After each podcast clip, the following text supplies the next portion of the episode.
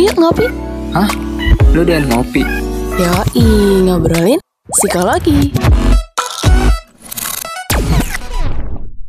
It all start with your mind. Time to get calm. Selamat datang kembali di podcast Ngopi. Ngobrolin psikologi.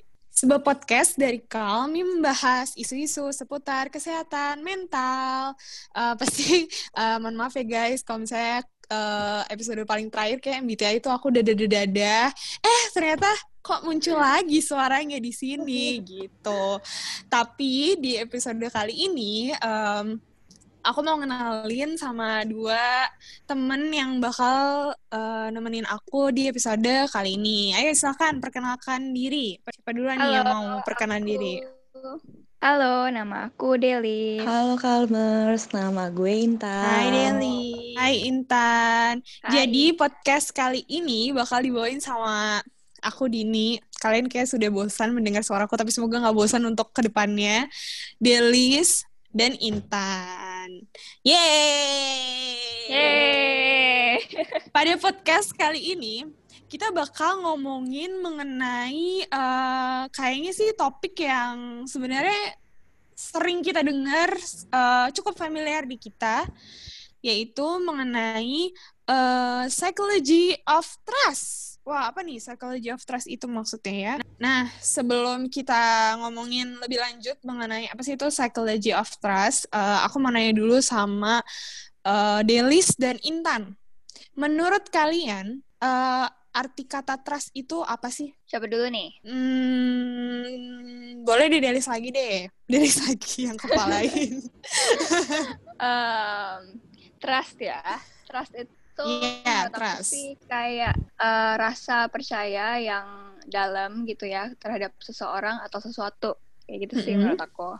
Oke, kalau untuk Intan? Hmm, mungkin kayak sesuatu yang kita berikan ke orang, tapi tidak terlihat gitu.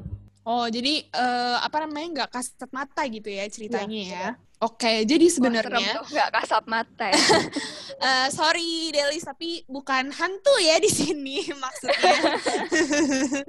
kan kamu tadi udah bilang kayak rasa kepercayaan yang diberikan kepada orang lain kan memang nggak kelihatan kan kita percaya aja sama dia tapi nggak kelihatan kan bener dong nggak kasat mata. Betul, betul. Nah, jadi sebenarnya pengertian trust itu dalam dunia psikologi trust itu apa sih, Intan? Jadi trust itu tuh eh, fondasi atau kunci dalam kita tuh menjalin hubungan. Nah, biasanya kalau trust ini tuh melibatkan emosi, sama juga melibatkan perasaan. Oh, oh, oh iya benar. Kembali lagi ke tak kasat mata itu perasaan bisa dilihat juga kan guys. Iya, benar. Calmers, jadi ya itu tadi nggak kelihatan. Nah, tadi kan udah ada ben- eh, udah ada definisi dari kepercayaan nih. Menurut Deli sendiri, gimana kepercayaan itu bisa terbentuk? Hmm, kalau menurut aku sih kepercayaan tuh terbentuknya lewat ini sih kayak sama pengalaman waktu kecil sama orang tua gitu. Para pakar psikologi juga ngomong kalau pengalaman masa kecil itu memberikan pengaruh yang besar gitu kepada rasa percaya seorang terhadap orang lain. Nah, Betul sekali. Ah, jadi kalau hubungan yang dijalin sama orang lain, terutama dengan orang tua pas mereka masih anak-anak itu nggak terjalin dengan baik, maka orang tersebut tuh bisa sulit untuk percaya sama orang lain di masa depan. Nah, contohnya tuh apa Bet- nih, Dini? Betul banget nih Delis. Contohnya misalnya marah orang tuanya waktu masih kecil itu meledak-ledak. Jadi dapat menghancurkan kepercayaan seorang anak.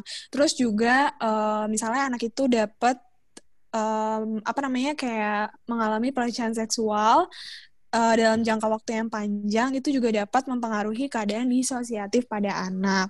Maka dari itu, peran orang tua di sini sangat penting untuk membangun rasa percaya pada orang lain saat anak-anak gitu. Tapi jangan sampai asal percaya dengan orang yang jelas-jelas mencurigakan ya, ga? Betul, ya betul. ya.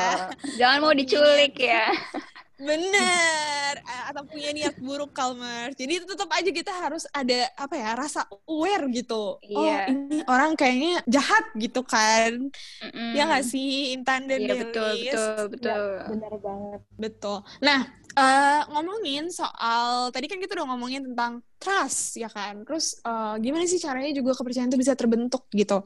Aku mau nanya sama kalian berdua, Eh, pernah gak sih kalian tuh ngalamin atau pernah gak sih kalian tuh denger teman kalian bilang, "Eh, gue udah gak bisa percaya lagi sama siapa-siapa di dunia ini. Mm, mm. Ya, atau misalnya Sering, eh, sering. gue tuh susah banget eh, open up sama orang soalnya gue kayak Ya, merasa gue betul. takut dihianati gitu. Apa mungkin kalian jangan pernah lagi ngerasain kayak gitu?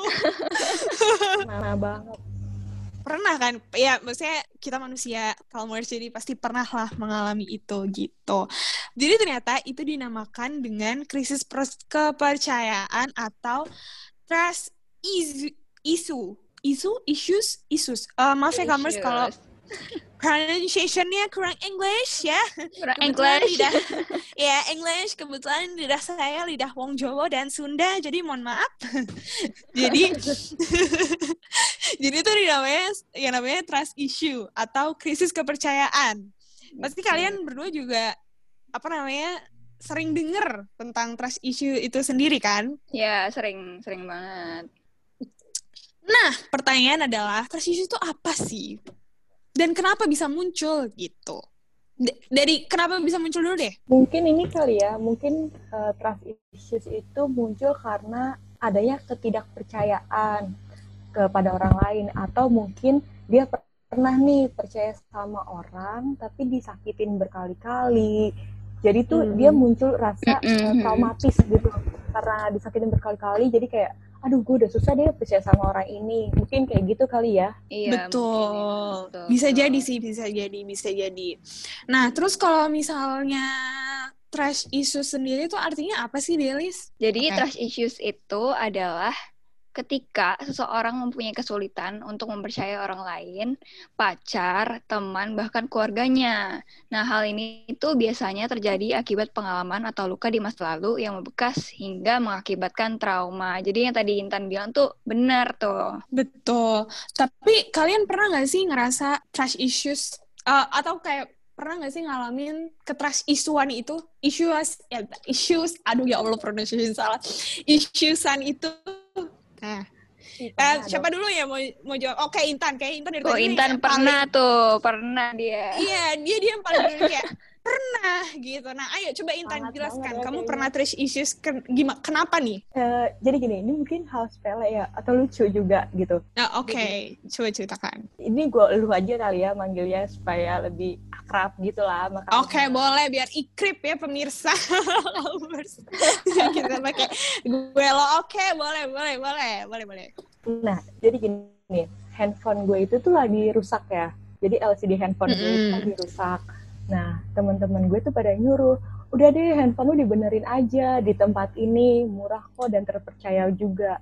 Tapi sampai sekarang udah udah hampir enam bulan, gue nggak bener Mm-mm. karena gue ngerasa gue tuh takut handphone gue malah semakin dipretelin sama si tukang betul, betul. Nah, itu pernah nggak Iya. eh, apa namanya kayak kan ka- eh, lu tadi bilang kayak enam bulan nih belum ngebenerin HP gitu karena takut HP-nya itu dipretelin sama orang-orang yang servis HP itu. Apa sebelumnya Intan pernah mengalami hal demikian? Makanya langsung mikir kayak ah, takut ah ntar dipretelin HP-nya gitu. sebenarnya Atau pernah ada kejadian? Sebenarnya sebelum itu emang nggak pernah tapi kalau kayak Hmm. eh, nggak di toko aslinya gitu kayak aduh kurang ya, Oh, Iya, iya, Karena iya. bukan di toko aslinya nih betul betul. Bener sih, bener sih. Kalau misalnya Delis, Delis pernah nggak ngalamin trust Um, issues gitu? Trust issues ya, hmm, paling eh, jarang sih sebenarnya. Soalnya aku lumayan percaya aja nih sama orang biasanya. Nah, Wow. kadang dibilang kayak aduh polos banget sih lu, polos banget, jangan terlalu percaya lah gitu. positif banget ya kayak. Iya, sangat positif kayaknya terlalu positif. Nah, tapi paling yang perta- eh, kayak berasa nggak percaya sama orang tuh sama teman aku Hmm. dulu pas SMA, kayak baru kenal pas SMA, cuman Mm-mm. Eh, itu orang nggak bisa dipercaya gitu loh omongannya kayak nggak pernah nepatin kata-katanya gitu loh jadi aku kayak udah oh. nggak mau percaya lagi terserah lu dah ya nggak pernah ditepatin juga omongannya nggak bisa dipegang kayak gitu sih Se- Betul sih. itu. Oh, berarti lebih kayak ke pertemanan gitu ya, kayak hubungan Mm-mm. apa antar personal ya, Iya, antara betul. Delis dan temennya. Kalau misalnya Intan itu eh, karena uh, apa namanya karena dia itu bukan original apa sih namanya kayak tempat Iya. original HP-nya Bener, gitu. Jadi kayak takut gitu. Bener sih. Kalau aku lebih ke ini sih kalau aku jujur sama kayak Delis aku tuh orangnya gampang banget percaya. Tenang Delis tenang. Iya. bahkan temen aku tuh kan aku ngerantau kan. Bahkan tuh temen aku tuh sampai bilang gini Din gue kasihan deh sama lo. Gue takut nanti lo percaya aja orang ngomong sesuatu ke lo gitu. Ntar lo akan gampang di dibodohi. Itu saya kayak eh, Iya. gimana pemirsa? Aku nggak bisa gitu. Cuman cuman ini sih eh, aku mungkin yang paling aku inget itu sama kon apa namanya case-nya kayak Intan mengenai servis HP eh, itu benar-benar seta- eh, setelah aku servis HP LCD itu tiba-tiba HP aku tuh nggak bisa nangkep WiFi dan aku tuh Hmm. mencurigai bahwa kayaknya eh, ini nih dipretelin sama orangnya gitu. Jadi jadi kayaknya mungkin kalau HP saya rusak ya udah saya pasrah aja gitu. Semoga nggak rusak ya. Tapi tapi ini bisa juga loh trust issue itu eh, di apa namanya kayak apa namanya kayak muncul bukan dari pengalaman pribadi kita. Nah, iya, bisa dari orang Bisa. lain juga kan ya. Bener bener misalnya kayak eh, misalnya Delis gitu. Delis ngeliat temennya eh apa sih namanya kayak cerita ke dia. Sumpah eh, gue cerita sama ini. Apa namanya kayak gue cerita ke ini kok. Kayak rahasia gue Nah, tiba-tiba iya, bocor betul. kayak gitu kan. Iya. ya kan? Jadi akhirnya secara unconscious kita jadi kayak em gue gak mau cerita sama dia Iya gitu. lagi karena ntar takutnya. Benar. betul itu itu sering banget terjadinya gitu Mm-mm. nah kita udah ngomongin nih mengenai trust issues itu apa habis itu kita tuh juga sedikit curcol tadi ya mengenai pengalaman trust issues kita yang semoga Calmers relate ya nah asal muasal dari kenapa trust issue itu bisa terjadi itu dari mana sih Intan? Jadi tuh kepercayaan itu kan sesuatu yang tumbuh dan dibangun sendirinya ya tanpa paksaan atau tanpa suruhan. Mm-mm. Nah, Mm-mm. Orang yang biasanya ngalamin trust issues atau sedang mengalami krisis kepercayaan ini biasanya itu eh, dipengaruhi atau terjadi karena pengalaman ma- eh, pengalaman negatif yang terjadi di masa lalu. Misalkan Hmm. kayak eh, dia cenderung ada di keluarga yang kasar, pasti ke depannya Oh. mengalami masalah keintiman, komitmen, atau kepercayaan dengan orang sekitarnya. Gitu. Jadi tuh emang peran orang tua waktu masih kecil ngerawat anaknya tuh emang kayak berpengaruh banget untuk pertumbuhan kepercayaannya sa- sang anak gitu. Mm-mm. Betul banget. Hasilnya toxic parents itu bisa pengaruhin banget ya. Iya, bener banget. Mm-mm. Karena ini gak sih, mungkin karena waktu kita masih kecil, kita kan belum ngerti apa-apa gitu. Terus udah gitu juga, eh, kalian nyadar gak sih kadang tuh anak kecil itu gampang banget niru atau gampang banget tuh inget sama sesuatu. Nah, iya betul betul. betul. Ya kan? Jadi misalnya kayak pengalaman paling sedih atau pengalaman paling happy pun kita mungkin sampai sekarang masih inget gitu. Kayak misalnya eh, dulu gue pernah dikasarin sama temen gue gitu. Misalnya gue pernah dibully gitu. Ya gak sih? Mm-mm. Mm-mm. Iya iya iya. Makanya makanya itu mungkin bisa mempengaruhi juga. Nggak cuma dari keluarga, tapi bisa juga dari lingkungan pertemanan dia waktu masih kecil nggak sih pemir eh, Mm-mm. Calmers? Betul. Bener. Terus eh, ada apa lagi nih, Delis? Eh, penyebab dari eh, trash apa? Aku penyebab eh, apa namanya? Asal muasal. Kenapa? Nah, iya benar. Asal muasalnya trash issue itu apa lagi nih kira-kira? Mm, tadi tuh nyangkut-nyangkut sama yang dibilang di ini juga, kayak penolakan sosial selama masa remaja dan pengalaman traumatis semasa dewasa itu juga sangat berpengaruh bagi kepercayaan seseorang. Dari mulai pengkhianatan dalam bentuk hubungan asmara, sampai masalah ketidakadilan yang dilakukan oleh pimpinan, kayak bos di kantor dan sebagainya, itu juga dapat mengakibatkan trust issues gitu. Jadi secara singkat tuh ketika kepercayaan seseorang berulang kali dilanggar gitu kayak yang tadi aku bilang sama teman aku jadi sistem kepercayaannya itu dapat sangat terpengaruh dan pada akhirnya menyebabkan trust issues. Bener banget, Delis. Jadi kalau ketika kita udah percaya sama orang terus dia nyakitin kita berkali-kali, pasti kemungkinan besar kita nggak akan percaya lagi ya sama dia. Mm-mm, Mm-mm, betul, betul banget. Gak mau terjatuh dalam lubang yang sama, asik. Anjas, aku terjatuh dalam lautan. Lumayan nyanyi. Oke. Eh, terus nih, gimana sih caranya kita tahu kalau misalnya kita tuh lagi ngalamin trash issue gitu? Sebelum kita ngasih tauin gimana caranya ngatasin trash issue itu sendiri. Jadi mungkin tanda-tandanya Calmers atau mungkin aku, Delis, dan Intan mengalami trash issue itu adalah yang pertama eh kita, kita orang yang mengalami trash issue itu selalu membuat prediksi kalau orang lain akan mengkhianatimu tanpa adanya bukti-bukti. Jadi itu lebih kayak ke overthinking kali ya, overthinking Hmm, ke betul. Bisa juga kayak posesif gitu gak sih? Ah, bisa, bisa, bisa. Misalnya kan kayak prediksi orang lain akan mengkhianati gitu. Misalnya kayak, eh Mm-mm. sama kayak case Intan tadi. Gue nggak mau, eh, gue nggak mau servis HP di tempat itu karena gue takut dipretelin. Padahal belum tentu dipretelin kan? Mm-mm, Iya, iya. Iya Kayak kan? ada Padahal belum tentu dipretelin. gitu ya. Iya, itu. Kalian mau eh, jalin hubungan sama lawan jenis pacaran, terus kalian kayak ngerasa Mm-mm. kayaknya dia bakal nyakitin gua deh. Kayak kalau kata Nah. anak-anak Twitter mungkin fuckboy, ntar ini Mm-mm. betul betul itu bisa itu bisa itu bisa itu bisa kayak eh ya itulah kalau misalnya di kalau misalnya dia apa namanya di pacar pacaran kayak gitu kali ya kalau di hubungan asmara gitu cenah mah terus ada Mm-mm. apa lagi nih mengenai suka ngatur tanda-tanda dan ngontrol orang lain gitu gak sih? bisa itu juga bisa Jadi maunya dia berarti dia nggak mau diatur kali ya. iya berarti posesif itu termasuk ke trash issue dong maksudnya posesif itu kayak peranakan dari trash issues dong ya kira-kira Bisa bisa bisa. benar-benar Bisa banget itu posesif. Oke, terus ada apa lagi nih? Oke, mungkin selanjutnya ada ini. Baperan. Jadi ketika misalkan dikritik jadi baper, dikritik dikit marah. Padahal kan kritik itu kan sesuatu yang membangun ya, sesuatu yang Bener, Mm, betul. gitu. bener, bener, bener. Itu baperan sama kritik. Terus selanjutnya adalah selalu mencari arti atau makna tersembunyi dalam setiap percakapan atau gerakan orang lain. Jadi misalnya dia ngerasa kayak, Hmm, hmm, kayaknya ada hint nih.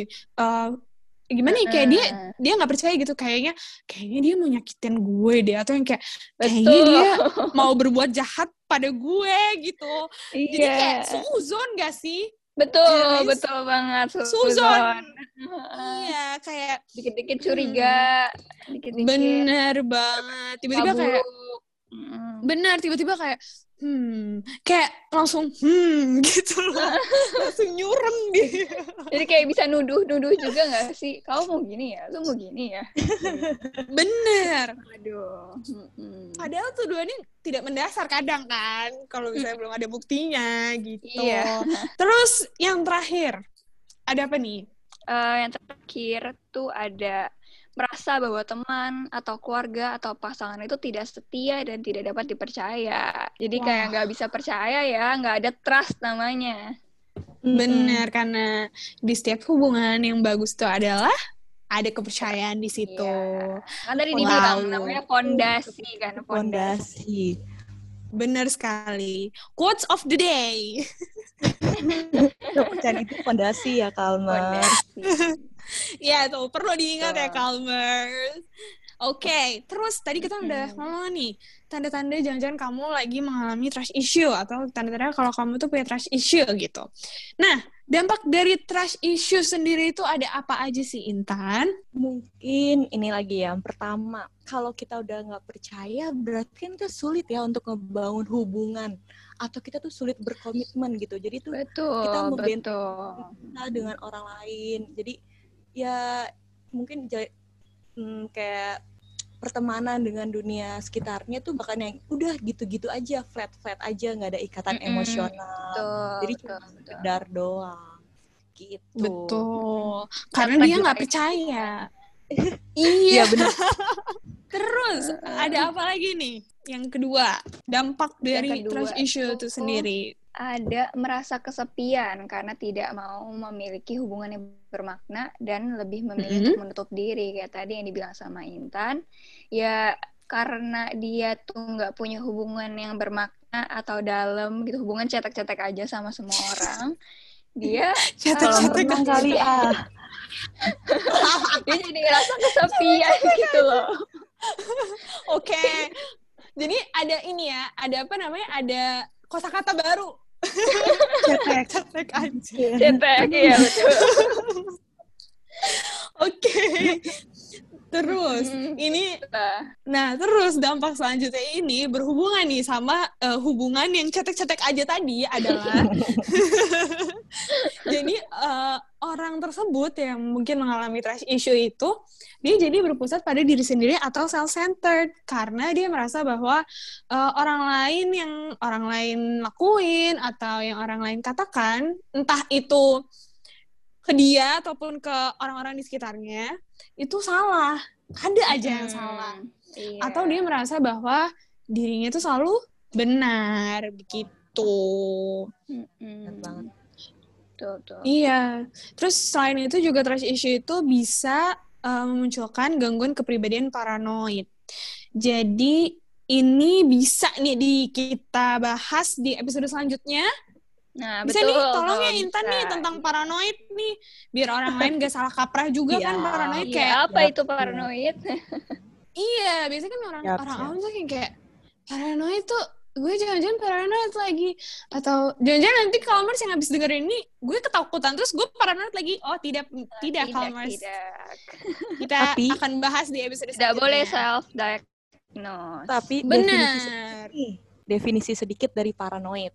Oke Paranoid. boleh boleh coba boleh, jelaskan boleh, boleh. Paranoid itu tuh masalah psikologis yang ditandai dengan munculnya rasa curiga dan takut yang berlebihan. Nah, Hmm. biasanya orang yang paranoid ini sulit Mhm. atau bahkan nggak bisa percaya sama orang lain dan kebanyakan oh pola pikir yang berbeda dari eh, orang sekitarnya. orang sekitarnya Tuh. oh Hmm. makanya bisa jadi ya orang yang punya trust issue itu bisa eh, apa namanya mm, nyerempet-nyerempet dikit ke gangguan kepribadian paran- paranoid itu Iya, sendiri benar. kali ya betul, Intan ya betul, betul. karena kalau Mungkin dari definisi Kayak trust issue yang akut banget, banget, banget dan tidak iya ya. nah betul banget tidak diselesaikan Iya. Nah, yang paling terakhir ini juga orang yang apa namanya orang yang punya trust issue itu juga bisa aja rentan terkena depresi gitu. Iya, orang Sama, kesepian, tidak punya hubungan yang Bener, ya bisa aja benar. depresi. bener. Nah, ngomongin soal yang tadi apa sih namanya tadi kita ngomong apa ya lupa saya. Oh, ngomongin soal eh apa namanya trust Dampak. issues yang akut dan dia nggak mau ngobat apa Mm-mm. nggak ngom- ngobatin. Tadi kan Deli sudah nyinggung-nyinggung dikit tuh. Terus cara ngatasinnya itu gimana sih? Cara ngatasinnya itu yang pertama, kita harus Iya. tanya diri kita sendiri nih. Apa sih yang ngebuat kita takut? Apa sih yang ngebuat kita cemas? Hmm. Terus eh, bener nggak sih ketakutan atau kecemasan kita itu real atau cuma di dalam pikiran kita aja? Karena Oh, rata-rata benar benar benar. cuma mikirin-mikirin tapi ternyata itu tuh cuma jadi mungkin bayangan mereka atau eh, apa ya namanya ya? Tapi bukan- Ekspektasi. Enggak ekspektasi. ekspektasi sih.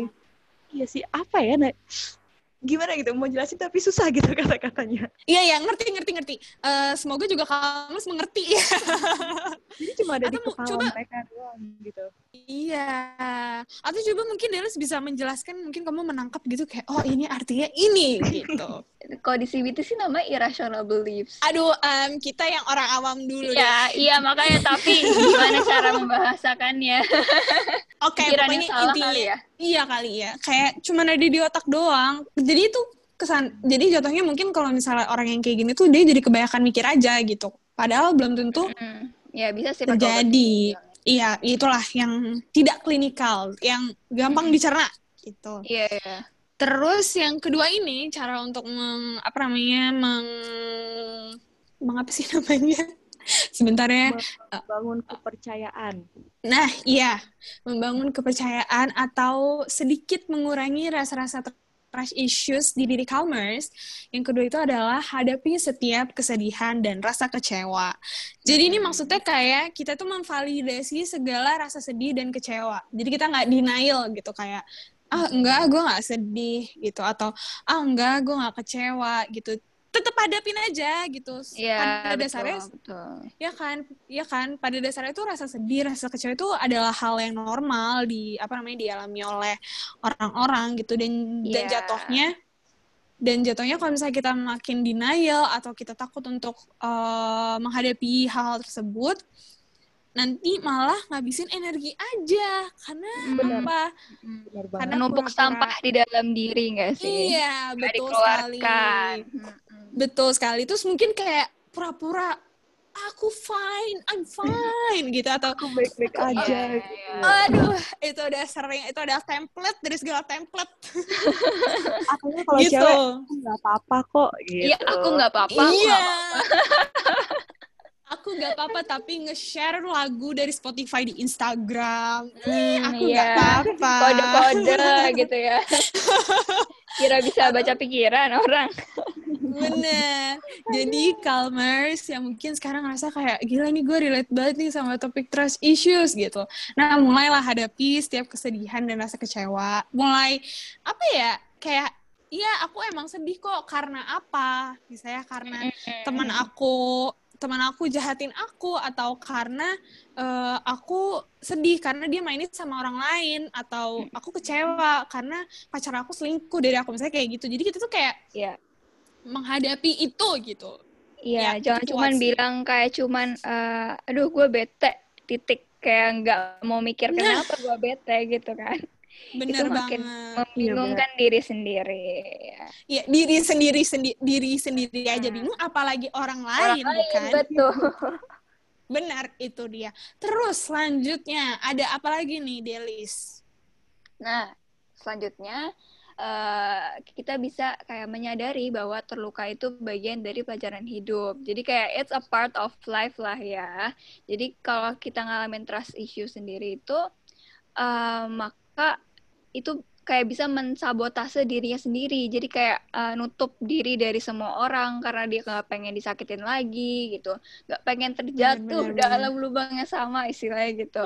Tapi kalau terus menerus kayak gitu kan jadi kayak nggak apa ya kayak nggak berani gitu loh untuk uh, mencoba ngambil resiko diri. gitu ya ambil resiko betul Bener. Jadi intinya adalah kayak dramanya yang lagi hits banget itu It's okay not to be okay, Calmers betul ya. betul banget iya siapa nih yang udah nonton Ya ayo Calmers nonton itu, itu bagus banget. Wah jadi promosi saya. jadi intinya nggak apa-apa untuk menyadari bahwa terluka itu adalah bagian dari pelajaran hidup. Terus selanjut Karena semua orang itu Kenapa? akan terluka ya nantinya. Bener, karena nggak ada loh orang yang 100% selalu happy-happy terus kan. Pasti adalah Hmm. sedih-sedihnya, ya kan? Terus yang keempat itu ada apa nih, Tan?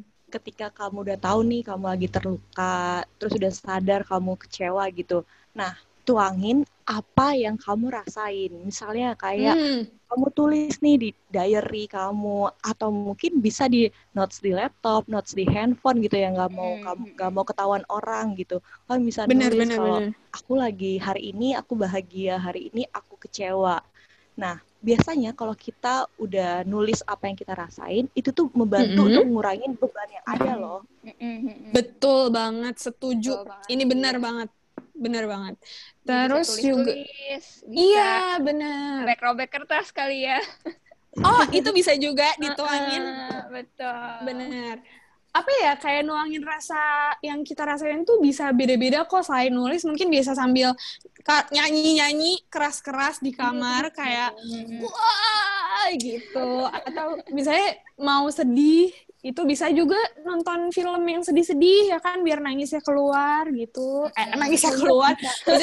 Ya emosinya keluar lah ya betul. Iya iya. Juga dengan cara makan yang banyak rata-rata Oh kalau lagi sedih makan makan iya. makan makan gitu. bisa aja bisa bisa bisa itu juga bisa itu bisa banyak sih sebenarnya ya pokoknya intinya kalau misalnya kita eh, lagi ada yang mengganjel gitu jangan ditahan ya Calmers kalau bisa langsung keluarin aja. Kalian kalian lebih ngerti lah gimana sih caranya untuk menuangkan itu semua. Iya betul. nah cara terakhir yang pokoknya udah paling, paling penting ya. akhir.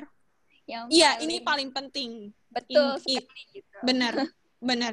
Misalnya kalian ngerasa kayak trust isunya kayaknya udah kayak gue nggak bisa menghadapi ini sendirian. Gue harus butuh bantuan dari orang lain. Tapi Hmm. tapi kok kayaknya gue nggak ada ya orang di sekitar gue yang bisa ngebantuin gue gitu. Nah, kalian bisa cari ke profesional atau yang ahlinya. Misalnya ada apa nih, Delis, yang profesional atau ahlinya nih? ada psikolog, ada konselor, ada psikiater, dan ada counselor ya tentunya ya. Yang Betul adalah, sekali. yang adalah psikolog atau konselor atau psikiater profesional di aplikasi Calm gitu. Benar sekali. Jadi karena ke- kebetulan sekarang kan lagi pandemi ya, kita Hmm. disarankan untuk di rumah aja. Bisa nih Calmers langsung download aplikasi Calm di Yap. App Store ataupun Play Store ya. Pokoknya langsung download, daftar terus nanti kalian tinggal uh, pilih aja mau sama siapa konselingnya gitu ya. Iya, tapi daripada perlu- kita mencurahkan eh daripada kita mencurahkan hati ke emosi ke hal yang tidak benar misalnya makan terlalu banyak atau Nah, eh, iya. menangis terlalu banyak kan kalau yang terlalu banyak itu kan selalu menimbulkan masalah baru gitu. Bener, kalau- yang terlalu Profesional itu udahlah dijamin. Betul banget. Nah, sebelum kita menutup nih ya topik hari ini, tadi Intan mau ngomong apa ya? Nah, tapi perlu diingat nih, kan bi- eh, mereka tuh Mm-mm. lagi trust issues nih. Pasti mereka kayak, Mm-mm. aduh takut nih rahasia gue dibocorin sama psikolog, atau rahasia gue Mm-mm. dibocorin sama psikiater, atau mungkin tadi sama counselor. Mm-mm. Tapi tenang aja nih, Calmers. Kalau para ahli itu mempunyai kode etik yang harus mereka patuhi. Betul sekali, betul, sekali. betul. adalah Ada sumpahnya menjaga ya. rasa kerahasiaan data klien. Jadi Mm-mm. rahasia kamu nggak akan bocor ke mana-mana gitu, Calmers. Yep. Bener sekali. Jadi mungkin Kalmer sudah merasa kayak "Eh, gue udah ngelakuin nih hal 1 sampai 4 semuanya untuk mengurangi trust issue. Tapi kok trust issue gue belum hilang-hilang juga ya atau kok kayak belum ringan-ringan, belum dikurang-kurangin juga. Nah, mungkin cara terakhir yaitu cara kelima Kal- Calmers bisa langsung ke psikolog yang ada di aplikasi Calm begitu. Betul, betul. Nah, tadi kita udah ngomongin uh, nah, uh, Calmers udah pada tahun kan mengenai psychology of trust itu apa gitu. Tadi kita udah ngomongin uh, apa namanya mengenai trust issues itu apa, terus trust itu apa, dampaknya, penyebabnya, bahkan kita udah ngasain tipsnya juga untuk meng, apa namanya mengurangi ketrust issuean itu, ya. Semoga bermanfaat topik kali ini. Nah, jangan lupa Calmers untuk kita promosi lagi ya guys. jangan lupa Calmers untuk mendownload aplikasi Calm di Play Store ataupun App Store.